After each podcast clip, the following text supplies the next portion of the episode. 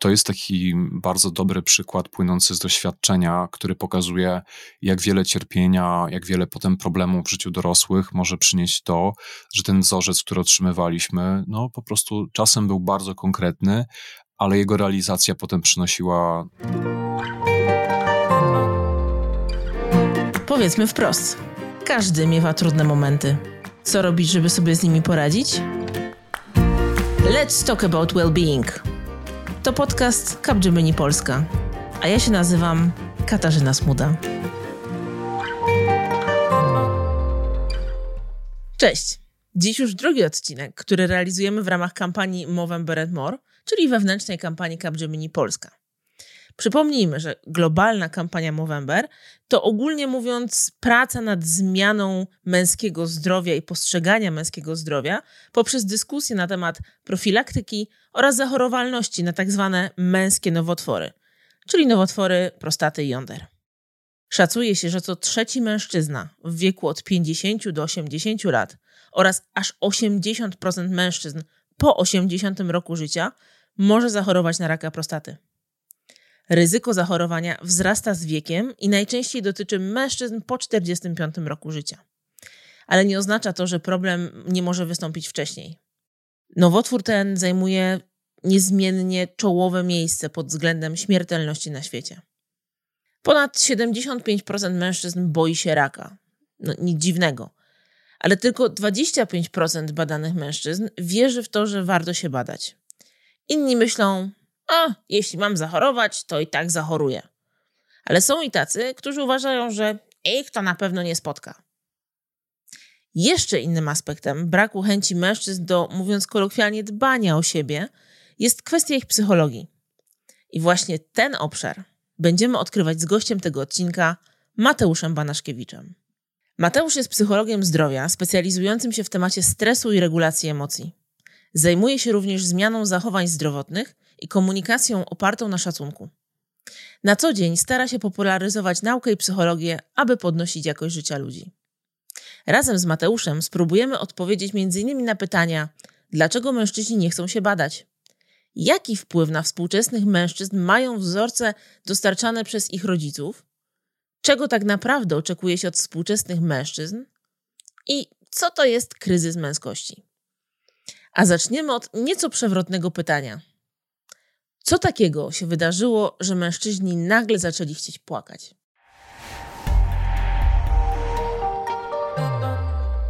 Na początku chyba warto podkreślić to, że mężczyźni od zawsze chcieli płakać potrzeba przeżywania emocji, ich rozumienia, wyrażania tych emocji, ona jest i była. To, co się może odrobinę zmienia, moim zdaniem nadal za wolno, to jest po prostu jakiś taki rodzaj społecznej akceptacji wrażliwości mężczyzn. Ja czasami też posługuję się takim trochę może abstrakcyjnym myśleniem, ale mówię o tym, że mężczyźni mają kanaliki łzowe, tak jak kobiety, i te kanaliki łzowe pełnią nie tylko fizjologiczne funkcje, ale też psychologiczne, więc pod tym względem zdecydowanie warto jest rzeczywiście to podkreślać o tym pamiętać. Natomiast na tym etapie, jak myślimy o kryzysie męskości, to po prostu i wcześniej, i teraz obserwujemy, że wymagania wobec mężczyzn rosną i no, wielu z nich kiepsko sobie z tym radzi. To znaczy, pod pewnymi względami kiedyś było prościej. Facet wiedział, na czym polega jego rola. Dzisiaj kobiety stały się bardziej niezależne i to zarówno finansowo, zawodowo, czy nawet jak myślimy o, o kwestiach też związanych z seksualnością. I po prostu dla niektórych mężczyzn to jest związane też z takim poczuciem zagubienia przez lata, jak obserwowaliśmy różne wpływy kultury, mediów, no, pochodzące z bardzo różnych źródeł przekazy, e, no to po prostu mężczyźni byli tacy powiedzmy przesiąknięci tym, że ich rola wyglądała inaczej, była dosyć klarowna, dosyć taka jasna, czytelna. Teraz kobiety też coraz częściej nazywają swoje potrzeby, nawet jak pomyślimy sobie właśnie o życiu seksualnym, głośno mówią o tych potrzebach, zaczynają klarownie domagać się tego też, na czym im zależy, co jest oczywiście ważne i zdrowe. Mhm. Natomiast dla wielu mężczyzn to jest trudne. No, oni kiedyś byli w takiej roli, w której to oni decydowali o tym, e, czego potrzebują, to oni odkrywali, oni tak w cudzysłowie powiem, rządzili w seksie. I kryzys męskości no, nie jest pojęciem takim świeżym, dzisiejszym. To jest pojęcie, które początkowo w ogóle mm, nazywali historycy pod koniec lat 60. Oni próbowali to opisać e, z takiej perspektywy pewnych obaw mężczyzn z klasy średniej, obaw dotyczących właśnie męskości, myślenia o męskim ciele. I potem pod koniec XIX wieku, jak nasilał się ruch na rzecz praw kobiet, i kwestionował taką, powiedzmy, wyłączną kontrolę mężczyzn nad sferą publiczną, to był taki moment, kiedy no, mężczyznom było po prostu trudniej odnaleźć się w tych nowych realiach.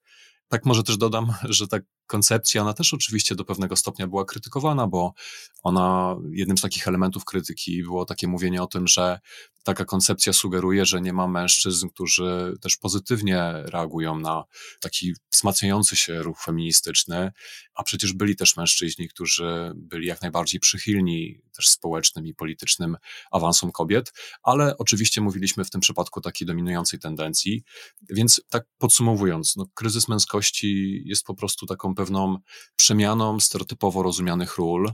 Były czasy, kiedy mężczyzna był postrzegany jako osoba, która ma być wojownikiem, nie wiem, rycerzem, nie okazywać wrażliwości, nie przyznawać się do niewiedzy, zagubienia, nie szukać pomocy.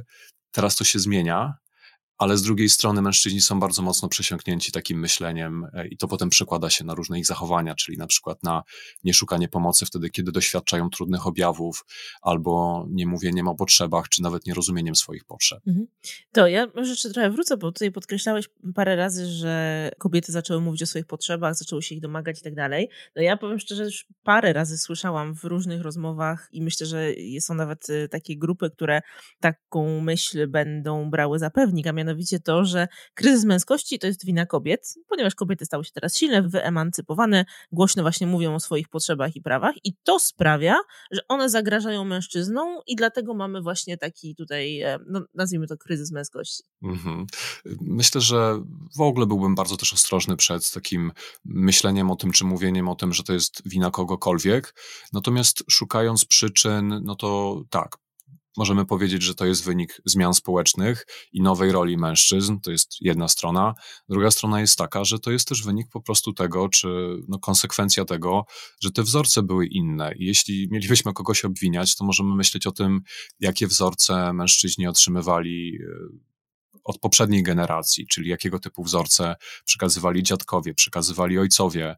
No te wzorce w tej chwili, one są już nieadekwatne w tym współczesnym świecie, w którym kobiety są w innej sytuacji, oczekiwania wobec mężczyzn są inne i myślę, że znowu zamiast szukać winy, warto jest po prostu myśleć o tym, że świat się zmienia i to dla niektórych mężczyzn jest związane z jakimś takim poczuciem zagubienia czy trudnością w odnalezieniu się, ale no warto przyglądać się temu, co możemy zrobić, żeby wszyscy tak naprawdę mieli jak najwyższą jakość życia, jak najlepiej sobie z tym radzili. Tutaj są sposoby na to, żeby mężczyzn właśnie wesprzeć. Jakie? No jedną z takich rzeczy, która już jest oparta na dowodach, bo badacze i badaczki z obszaru psychologii społecznej wykazali to, że w momencie, gdy mężczyzn wspiera się w takim mniejszym utożsamianiu się ze stereotypową rolą męską, czyli taką właśnie kojarzoną z dominacją, z, z poczuciem siły, ale też z taką bardzo dużą sprawnością i zdrowiem w takim rozumieniu, które w ogóle wyklucza potencjalne doświadczanie choroby, czy trudności, czy problemów emocjonalnych, gdy mężczyzn mężczyzn wspiera się w tym, żeby z tym wzorcem się nie utożsamiali, zaczynają mieć mniejsze ryzyko przejawiania na przykład zachowań dyskryminacyjnych czy przemocowych wobec kobiet. Więc już samo takie od najmłodszych lat pokazywanie, że męskość może wyrażać no, w alternatywny sposób, taki niekoniecznie oparty na męskości patriarchalnej, która przez wiele lat dominowała, i ten taki alternatywny model wyrażania męskości no, oznaczałby to, że na przykład, no, nawet skorzystajmy z takich typowych cech, które są kojarzone z męskością, czyli Jasne. siła, odwaga, powiedzmy odporność, no to ta alternatywa będzie polegała na tym, że taki silny mężczyzna nie musi być mężczyzną, który dominuje, mężczyzną, który wyraża swoją siłę poprzez ekspresję agresji wtedy, kiedy jest jakiś, jakaś sytuacja problemowa czy zagrażająca, bo na tym etapie w społeczeństwie cały czas jeszcze jest tak, że mężczyźni, które, którzy wyrażają agresję, oni są, zwłaszcza przez innych mężczyzn, wzmacniani w rezultacie, jako postrzegani mhm. jako właśnie sprawczy, jako jako, właśnie typowo męscy. No i możemy od najmłodszych lat już młodych mężczyzn, ale też osoby oczywiście dorosłe, mogą uczyć się tą siłę wyrażać na przykład poprzez aktywność fizyczną, ale opartą na także współpracy i też na szacunku w sporcie. Mimo wszystko tego całkiem sporo jest i jesteśmy to w stanie znaleźć, ale też poprzez po prostu aktywny tryb życia. Inna taka cecha, która myślę, że jest warta nazwania, to jest po prostu odwaga.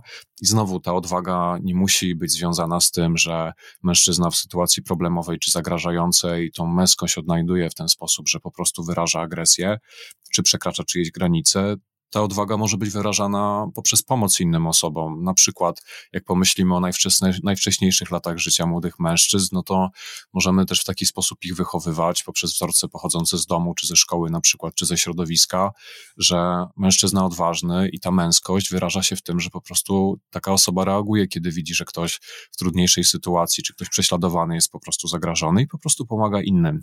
Na wiele również oczywiście innych sposobów. No i taka kolejna cecha, którą właśnie chciałem nazwać, to, to jest odporność.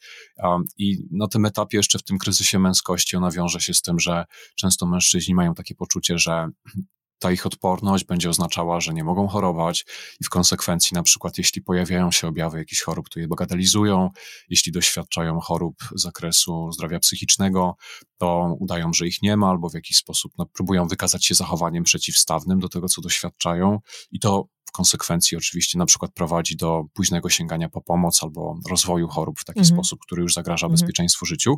I ta alternatywa może polegać na tym, że będziemy po prostu uczyli młodych mężczyzn, że ta odporność polega o, na dbaniu o zdrowie, na podejmowaniu się zachowań, które to zdrowie nam zapewnią, a nie na ukrywaniu tego, że pewne trudności się mhm. pojawiają.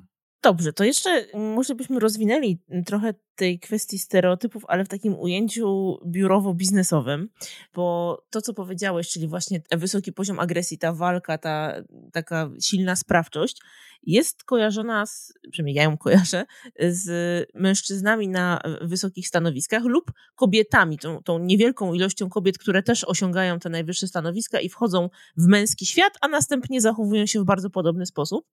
I mówi się, że taka osoba, taki mężczyzna na wysokim stanowisku to jest osoba zdecydowana, pewna siebie, wymagająca, oni nie okazują słabości, tylko ja tak obserwuję od pewnego czasu, dlatego że kiedy byłam na studiach, a studiowałam ekonomię, patrzyłam na panów prezesów z podziwem, jacy oni są super, oni są odcięci od swoich emocji, oni są, po prostu wchodzą i zdobywają, przejmują uwagę wszystkich, potrafią walczyć ze sobą na argumenty i różne przytyczki i nic się z nimi nie dzieje, tylko później dorosłam, dojrzałam, zaczęłam na to wszystko patrzeć, że to jest, to jest w sumie przerażające, bo później pracujemy z takimi osobami i w nich nie ma zrozumienia dla drugiej osoby, w nich nie ma zrozumienia dla słabości, w nich nie ma zrozumienia dla e, chociażby takich rzeczy jak taki czas ochronny, na przykład dla kobiety, która powiedzmy jest na urlopie macierzyńskim.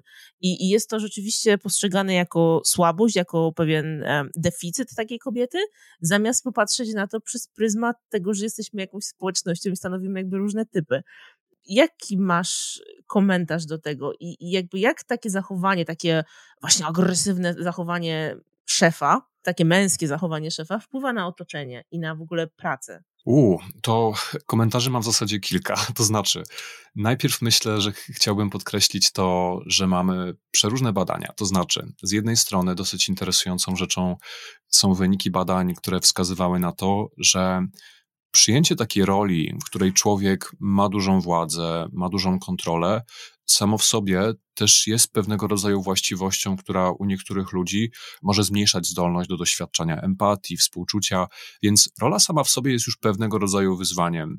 I dlatego też mhm. może być tak, że niektóre kobiety, które na przykład zachowują się w sposób podobny, jaki opisałaś, do mężczyzn, to są panie, które też tego typu cechy wykształciły w związku z rolą, którą objęły, którą przyjęły. Z drugiej strony, pewnego typu role, no właśnie te związane z kontrolą, z uprzywilejowaniem, to są też role, które są atrakcyjne dla osób o określonych cechach osobowości, więc one też mogą na przykład przyciągać osoby, które są odcięte od emocji, a bardzo skoncentrowane na celach. I ostatnia ciekawostka naukowa, którą też chciałem przywołać, to to, że na pewnym etapie pewien badacz prowadził takie dosyć interesujące badania, bo one były skoncentrowane na takiej kulturze, w której te role są odwrócone wobec tych, które my obserwujemy typowo. To znaczy, ta kultura, której on się przyglądał, to była kultura, w której to kobiety pełnią funkcje społeczne, które są właśnie związane z kontrolą, z, z decydowaniem o społeczności itd., tak itd. Tak z tego co pamiętam, ta grupa etniczna, nie wiem czy dobrze wymawiam nazwę, to, to była grupa Kazi, W każdym razie badacz nazywał się Genezi. I tutaj badania wykazały, że w tej sytuacji, gdy ta organizacja społeczna była po prostu inna, to kobiety częściej charakteryzowały się rywalizacyjnością, skłonnością do ryzyka. Więc znowu to pokazuje też, jak bardzo nasza kultura potrafi silnie wpływać na to, w jaki sposób ludzie pewne cechy u siebie wykształcają i się zachowują. Ale wracając do, do tego przykładu, który opisałaś, to osoba, która jest odcięta od emocji, czy a pod tym pojęciem kryje się taka sytuacja, w której człowiek po prostu w ramach swojej aktywności zawodowej jest mocno skoncentrowany na swoim punkcie widzenia, nie uwzględnia punktu widzenia drugiej osoby, czy czyjejś perspektywy, czyichś potrzeb, czyichś okoliczności, zasobów, które ta osoba posiada, no to będzie osoba, która nie tylko szkodzi oczywiście interakcją z ludźmi, z którymi współpracuje, no możemy powiedzieć oczywiście, odnosząc się do Twojego przykładu, na przykład nie tylko szkodzi kobietom, które ze względu na swoją sytuację osobistą, zawodową i nieuprzywilejowanie no, doświadczają różnego typu trudności, których na przykład mężczyzna nie doświadcza, ale to jest też osoba, która szkodzi sobie, dlatego, bo ten stereotyp płci czy roli, którą ta osoba obejmuje w takim właśnie, nawet pozwolę sobie powiedzieć w cudzysłowie, toksycznym wymiarze, on też uniemożliwia przyjmowanie wsparcia od innych osób wtedy, kiedy to ten człowiek doświadcza trudności, kiedy to ten człowiek jest pod presją,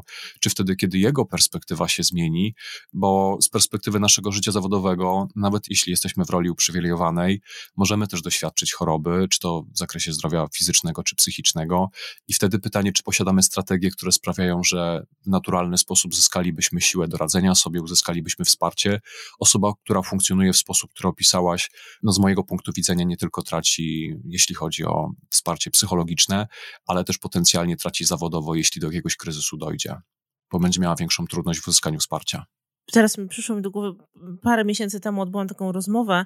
Ona była zupełnie na szczeblu prywatnym, ale w pewnym momencie zeszliśmy na kwestię właśnie zdrowia psychicznego i osoba, z którą rozmawiałam, powiedziała, że jej bezpośrednim przełożony przez pół roku w ogóle był na L4, bo rzeczywiście przechodził kryzys psychiczny, bo tam się ocierało to o depresję, to było wypalenie zawodowe i ta osoba powiedziała, że okazuje się, że najlepszy szef w dzisiejszych tych dziwnych czasach to jest szef, który przeszedł kryzys psychiczny, bo on wraca po uzyskaniu pomocy i zaczyna być ludzki, zaczyna być wyrozumiały, zaczyna być otwarty, ciepły, empatyczny. I jakie to jest w sumie smutne, że trzeba dojść do ściany i przejść kryzys, żeby po prostu zacząć być takim człowiekiem, takim ludzkim człowiekiem, prawda? Tak, tak. Mówisz bardzo ważną rzecz, bo mówisz właśnie o tym, że czasem to okoliczności życiowe, czy zawodowe, czy, czy w zakresie życia prywatnego, to one sprawiają, że człowiek nagle orientuje się, że czyjaś perspektywa jest inna, albo po prostu mm. zaznaje perspektywy czy okoliczności, które do tej pory były tej osobie niedostępne.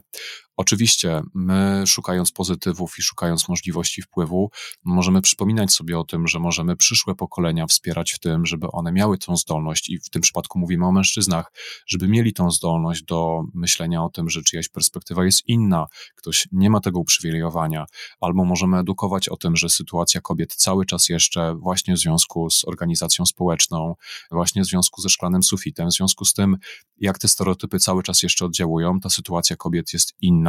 No i rolą także mężczyzn, a nawet może przede wszystkim jest to, żeby walczyć z tymi stereotypami, z tymi negatywnymi konsekwencjami, które tutaj działają, ale ja dodatkowo mam jeszcze taką ciekawostkę, która może wyda się trochę bardziej praktyczna. Ona też wynika właśnie z badań w zakresie psychologii społecznej, a mianowicie okazało się, że taki bardzo ważny sposób z tym, jak mężczyźni zachowują się w kontekście stereotypu męskości, jest związana samoocena. A mianowicie, żeby mhm. podać może przykład, badacz o nazwisku Wong, on przyglądał się mężczyznom, którzy uprawiali stereotypowo najbardziej męski zawód świata, a mianowicie futbol amerykański. I przyglądał się temu, na ile mężczyźni mieli gotowość, na ile dopuszczalne z ich perspektywy było podejmowanie się takich zachowań, które są stereotypowo niemęskie, czyli na przykład płacz po przegranych zawodach, albo no, w jakiś sposób takiego typu zachowania, które w ten stereotyp się nie wpisują. I co się okazało? Okazało się, że większą akceptację, taką deklarowaną tego typu zachowań, przyjawiali ci mężczyźni, którzy mieli wyższą samoocenę. Mhm. I to jest bardzo interesujące. To znaczy, wygląda na to, że po prostu ten stereotyp męskości jest wysycony tymi cechami sprawczymi i one wskazują na to, że człowiek, który ma poczucie męskości, to jest osoba, która czuje, że jest w stanie efektywnie działać i mamy wyższą samoocenę, tym nie musimy tego myślenia o sobie pod tym względem chronić.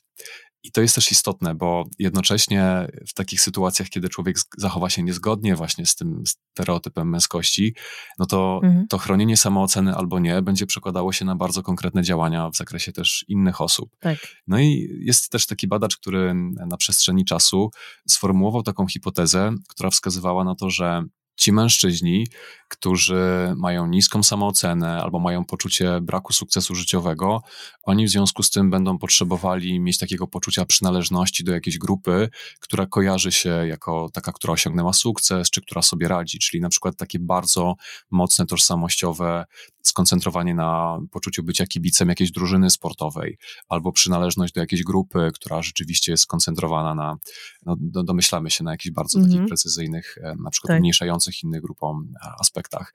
I mówię też o tym dlatego, bo dosyć również ciekawe badania były prowadzone na Florydzie w Stanach Zjednoczonych i tam sytuacja była taka, że mężczyźni byli proszeni o wykonywanie takich działań, które są stereotypowo niemęskie, czyli na przykład smarowanie rąk pachnącym kremem, aż trochę śmieję się, mhm. kiedy o tym w ogóle mówię, natomiast no, cały czas dla wielu mężczyzn to jest coś, co kojarzy się jako bardzo negatywna rzecz. E, czy zaplatanie warkoczy manekinowi. I co się okazało? Ci, którzy poddali się tym zadaniom, to byli mężczyźni, którzy potem automatycznie zachowywali się bardziej agresywnie albo podejmowali się bardziej ryzykownych zadań w mhm. konkretnych, kolejnych różnych sytuacjach, różnych sprawnościowych okolicznościach.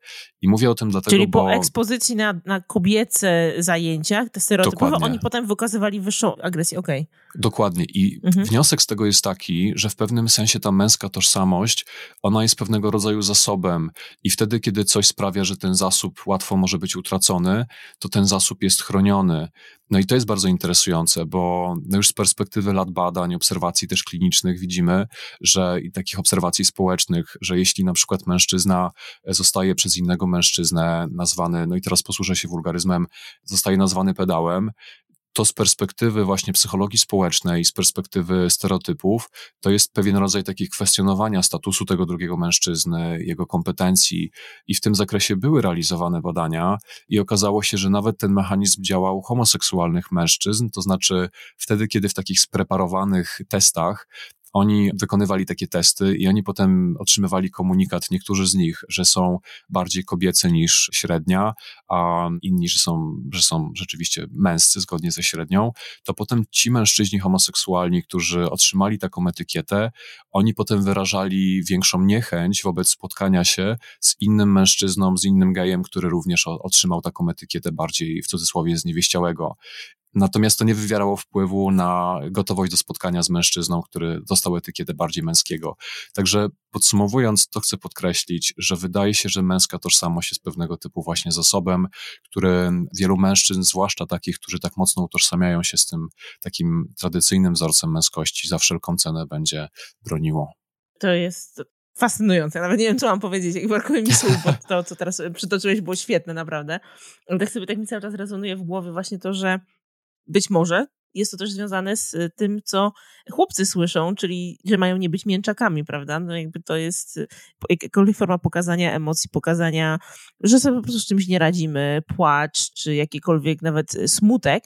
W przypadku dziewczyn jeszcze jest powiedzmy akceptowany, natomiast chłopcy słyszą, że mają nie być mięczakami. I to dla mnie jest osobiście bardzo istotne, dlatego że ja trochę zostałam też tak wychowana, ja w takich właśnie wzorcach mimo wszystko chłopięcych, jakby mnie nie wolno było jako dziecku okazywać emocji emocji, szczególnie tych negatywnych, smutku, płaczu i tak dalej, bo byłam mięczakiem, a w życiu trzeba być twardym. No i skończyło się oczywiście kilkoma epizodami depresyjnymi i tym, że musiałam przejść przez terapię, żeby w ogóle jakkolwiek funkcjonować w dzisiejszym świecie.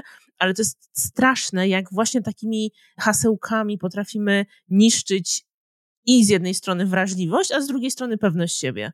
My jako dorośli wobec dzieci. Tak, wow, w ogóle dzięki, że się podzieliłaś, bo to jest taki bardzo dobry przykład płynący z doświadczenia, który pokazuje, jak wiele cierpienia, jak wiele potem problemów w życiu dorosłych może przynieść to, że ten wzorzec, który otrzymywaliśmy, no po prostu czasem był bardzo konkretny, ale jego realizacja potem przynosiła no, komplikacje związane na przykład z naszym zdrowiem psychicznym i z tym, jak radzimy sobie z emocjami.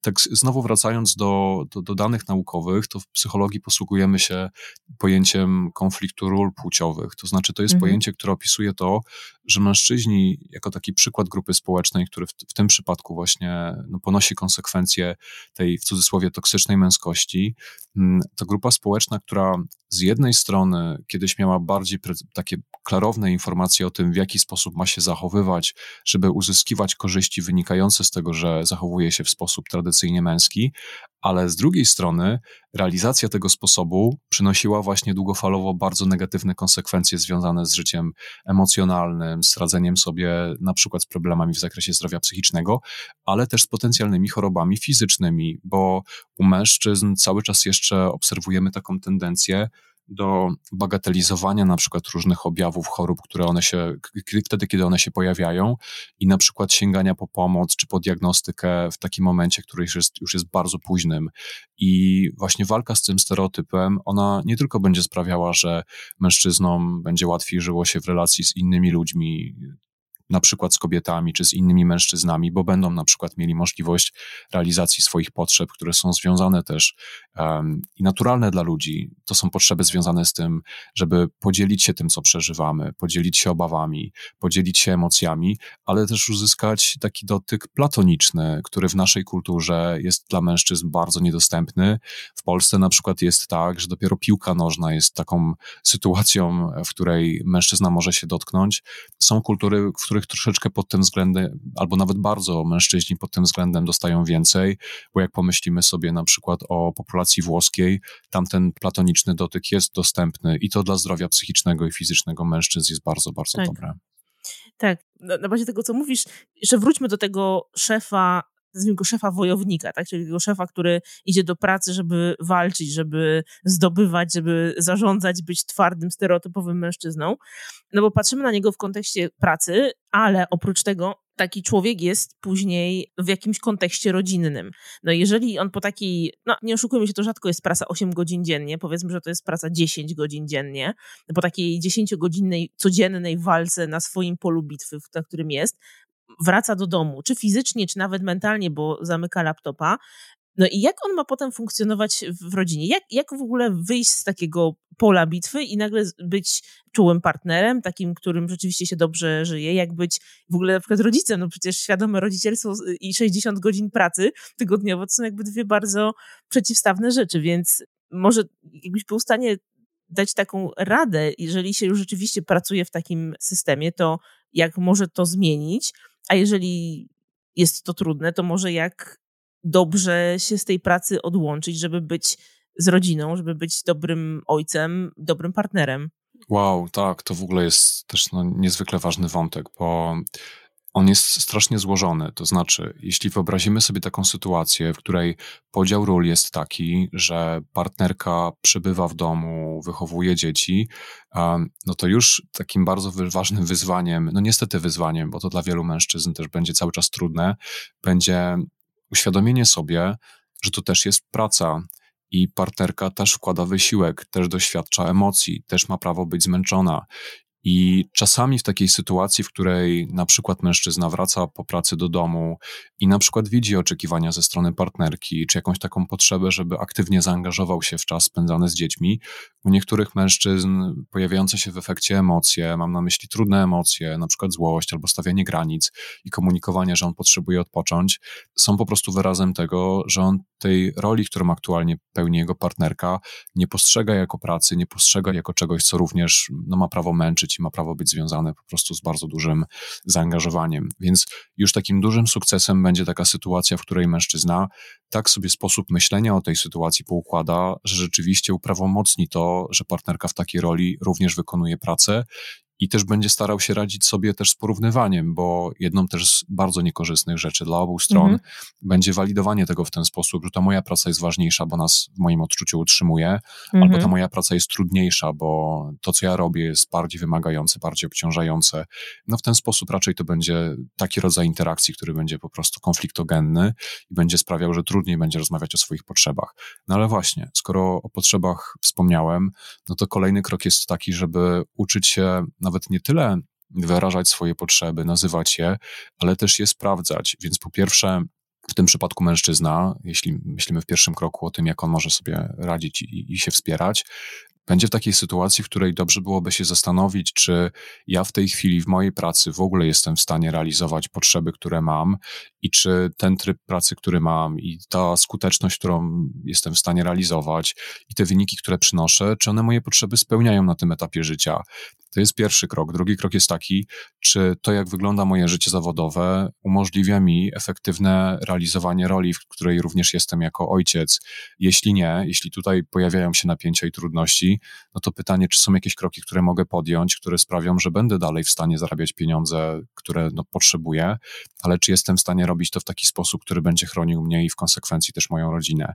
No i kolejny krok to jest też rozmowa o potrzebach ze strony partnerki. Pytanie ją o to, czego ona potrzebuje w tej sytuacji, w której w tej chwili są, wokół tych trudności, które się pojawiają. I mówię o tym dlatego, bo to z jednej strony wydaje się oczywiste i proste, ale dla wielu ludzi nie jest. W naszej polskiej populacji bardzo wielu ludzi też myli mówienie o potrzebach z używaniem etykiet, z mówieniem mhm. o tym, z takim atakowaniem drugiej strony, czyli mówieniem o tym, że drażnisz mnie albo jesteś e, taka czy taki, wypominanie, generalizowanie. To nie jest mówienie o potrzebach. Mówienie o potrzebach wymaga tego, żebyśmy się zastanowili nad tym, co kryje się pod tymi emocjami, których doświadczamy, pod frustracją, pod trudnościami, jak czujemy się w konsekwencji tego, że druga osoba reaguje na przykład na e, to, jak my się zachowujemy, czy na to, co my powiedzieliśmy, co się z nami wtedy dzieje czego potrzebujemy. I bardzo często się okazuje, że obie strony potrzebują podobnych rzeczy albo różnych, ale wtedy, kiedy udaje im się o tym rozmawiać, jest po prostu prościej. I niektóre osoby, niestety lub niestety, na, na szczęście na tym etapie są takie zasoby powoli, powoli dostępne dla coraz większej liczby osób, a mianowicie dla niektórych ludzi takim pierwszym przełomowym krokiem jest skorzystanie z psychoterapii, gdzie jest czas, jest przestrzeń, pojawiają się odpowiednie pytania, poprzez które sobie człowiek te potrzeby uświadamia. Ale wielu z nas jeszcze w toku swojego rozwoju ma szansę też tego się po prostu nauczyć. Ale pierwszy krok to wiedzieć, że to ważne. Mhm.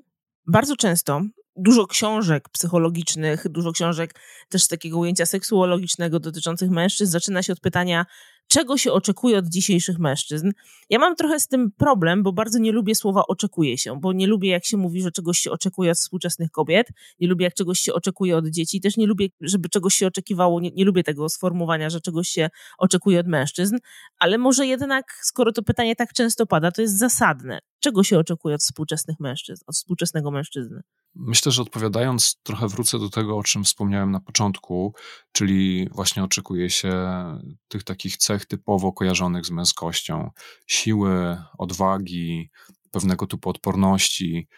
Niestety cały czas jeszcze w rozumieniu, zwłaszcza mężczyzn, bo kobiety wydają się już powoli rozumieć e, tego typu cechy inaczej, chociaż nie wszystkie, to o tym powiem za chwilę. W każdym razie to oczekiwanie siły cały czas jeszcze wielu mężczyznom kojarzy się z po prostu reagowaniem agresją na sytuacje, które wymagają rozwiązania albo sytuacje w jakiś sposób zagrożenia ich bliskich odwaga no, też jest związana właśnie na przykład z zachowaniami ryzykownymi, nie zawsze zachowaniami, które obejmują takie skalkulowane ryzyko, bo czasami w naszym życiu zawodowym czy prywatnym zdecydowanie warto jest ryzykować, tylko pytanie, czy to ryzyko jest przemyślane, skalkulowane. Mając na myśli takie toksyczne zachowania ryzykowne, no to mogą być zachowania związane na przykład ze współżyciem, które no nie jest, nie obejmuje gdzieś zabezpieczenia. Um, mhm no i odporność, czy właśnie niechorowanie, no to to jest to oczekiwanie, że mężczyzna będzie po prostu zachowywał się w taki sposób, który kojarzy się z czymś, co długo z perspektywy Hollywood obserwowaliśmy, a więc Arnold Schwarzenegger, odgrywający mhm. postacie, które zawsze wiedziały, jak sobie poradzić, nigdy nie dało się ich zranić, to były osoby, które były prawie nieśmiertelne, chociaż chcę podkreślić też to, że w tej kulturze masowej w tej chwili, jak popatrzymy sobie i porównamy nawet superbohaterów z przeszłości ze współczesnymi, coraz bardziej ci współcześni przypominają już po prostu zwykłych ludzi, no ale dalej, wzorzec, sposób myślenia cały czas mocno jeszcze oddziałuje na mężczyzn w ten sposób, że wydaje się, że, czy mężczyznom często się wydaje, że oczekuje się od nich tego, aby nie ujawniali swojego poczucia słabości, czy poczucia zagubienia, czy niewiedzy w jakimś, w jakimś zakresie. I na przykład niewiedza, czy jakiś rodzaj niekompetencji w badaniach, które w tej chwili się przypomniały, było dla wielu mężczyzn źródłem wstydu Wstyd jest taką emocją, która też będzie zmniejszała szanse na to, że ktoś podejmie działanie, poprosi o pomoc, ujawni się z tym, co przeżywa, podejmie się działania profilaktycznego czy interwencyjnego, jeśli coś niepokojącego się dzieje. Więc od mężczyzn z jednej strony oczekuje się bycia w pewnym sensie omnipotentnymi, a z drugiej strony w taki sposób to realizują, który jest dla nich po prostu szkodliwy i w konsekwencji też dla otoczenia.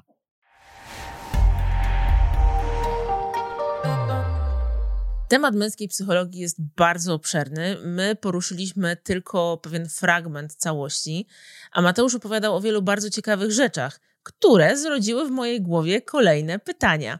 Jest duża szansa w związku z tym, że spotkamy się ponownie w kolejnym odcinku, być może już w kolejnym sezonie tego podcastu.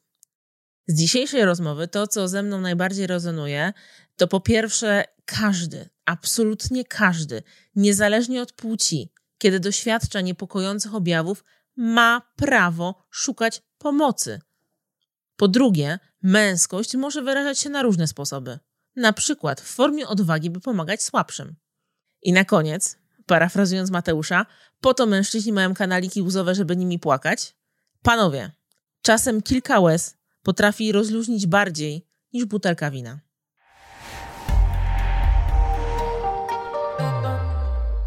Czy wiesz, że niezależnie od napotykanych trudności możesz skorzystać z Capgemini Helpline? To jest dedykowany numer telefonu, pod którym czekają psychoterapeuci.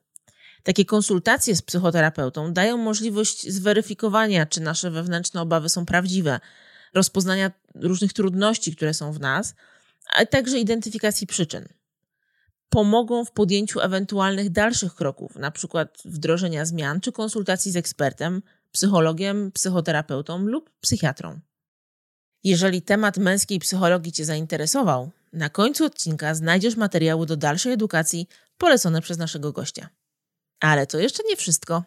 Na koniec rozmowy poprosiłam Mateusza o podzielenie się taką dobrą radą w temacie dbania o własne zdrowie, zarówno fizyczne, jak i psychiczne, oraz jaki pierwszy krok należy zrobić po przesłuchaniu tego odcinka chciałbym nas wszystkich tak naprawdę zachęcić do tego, żebyśmy o takich doświadczeniach, które są trudne, no, czy to z perspektywy niespełnienia wzorca tej stereotypowej męskości, czy także kobiecości, jeśli nas słuchają też panie, w momencie, gdy zrobimy coś niezgodnego z tym, czego od nas społeczeństwo oczekuje, albo my sami oczekujemy od siebie, to przypominajmy sobie o tym, że błąd, trudność, niepowodzenie nie jest wyrazem tego, że jesteśmy popsuci, czasem kto nas słucha, ten wie, że go to dotyczy nie męscy, czy w jakiś sposób nieskuteczni w naszym życiu, czy w naszej roli, jako rodzica, jako pracownika, jako mężczyzny, partnera, każdy sobie nazwie co chce, warto wtedy jest przeformułować to w taki sposób, że tego typu trudności są po prostu wyrazem bycia człowiekiem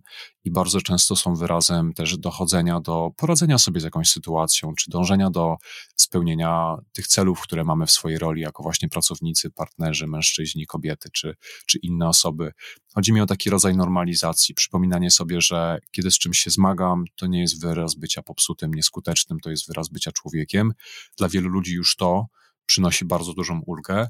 Listopad czy akcja Movember jest też bardzo ciekawą taką, takim jest ciekawym zjawiskiem społecznym i w ogóle okazją do tego, żeby właśnie podjąć pierwsze kroki, bo też jeśli ktoś jest niezorientowany, mam nadzieję, że większość z nas już wie, czym Movember jest. To jest taka kampania na tym etapie popularna na całym świecie, w czasie której ze wszelkich, wszelkimi siłami, z każdej strony staramy się zachęcić mężczyzn do tego, aby wykonywali badania profilaktyczne. Ona w ogóle wywodzi się z takiego myślenia o tym, że taką szczególną grupą mężczyzn, która ponosi bardzo mocne konsekwencje stereotypu, są mężczyźni chorujący na nowotwory gruczołu krokowego, na raka jądra, dlatego że te, e, te rejony naszego ciała, męskiego ciała są mocno też kojarzone z seksualnością. Ludzie cały czas jeszcze boją się rozmawiać o seksualności. To jest też kojarzone z pewnego rodzaju też pewnym wstydem i tak dalej, i tak dalej.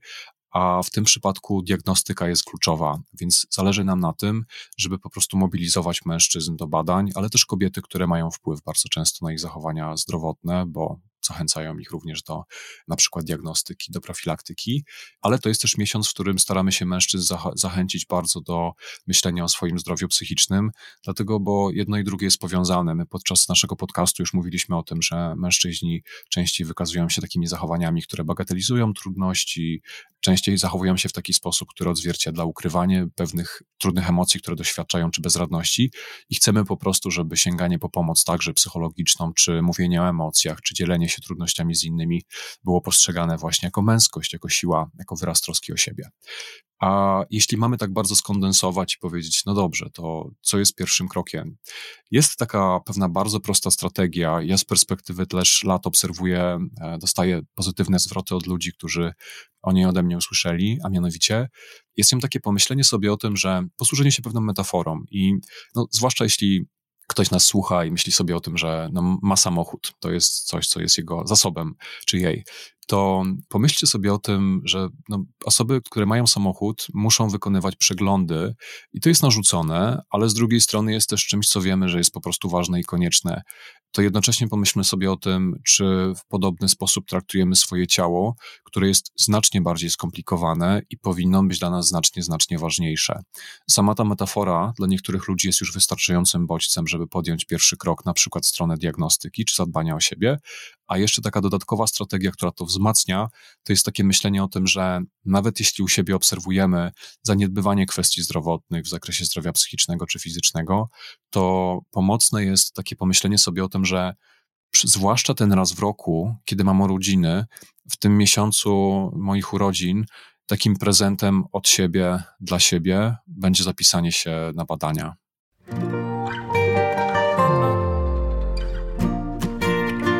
Żeby nie przegapić kolejnych odcinków, zasubskrybuj podcast Let's Talk About Wellbeing w swojej ulubionej aplikacji do słuchania podcastów. A jeśli ten odcinek Ci się spodobał, podziel się nim z koleżankami i kolegami z pracy. Niech oni też skorzystają z zawartych w nim rad. Linki do zagadnień poruszanych w odcinku znajdziesz w jego opisie.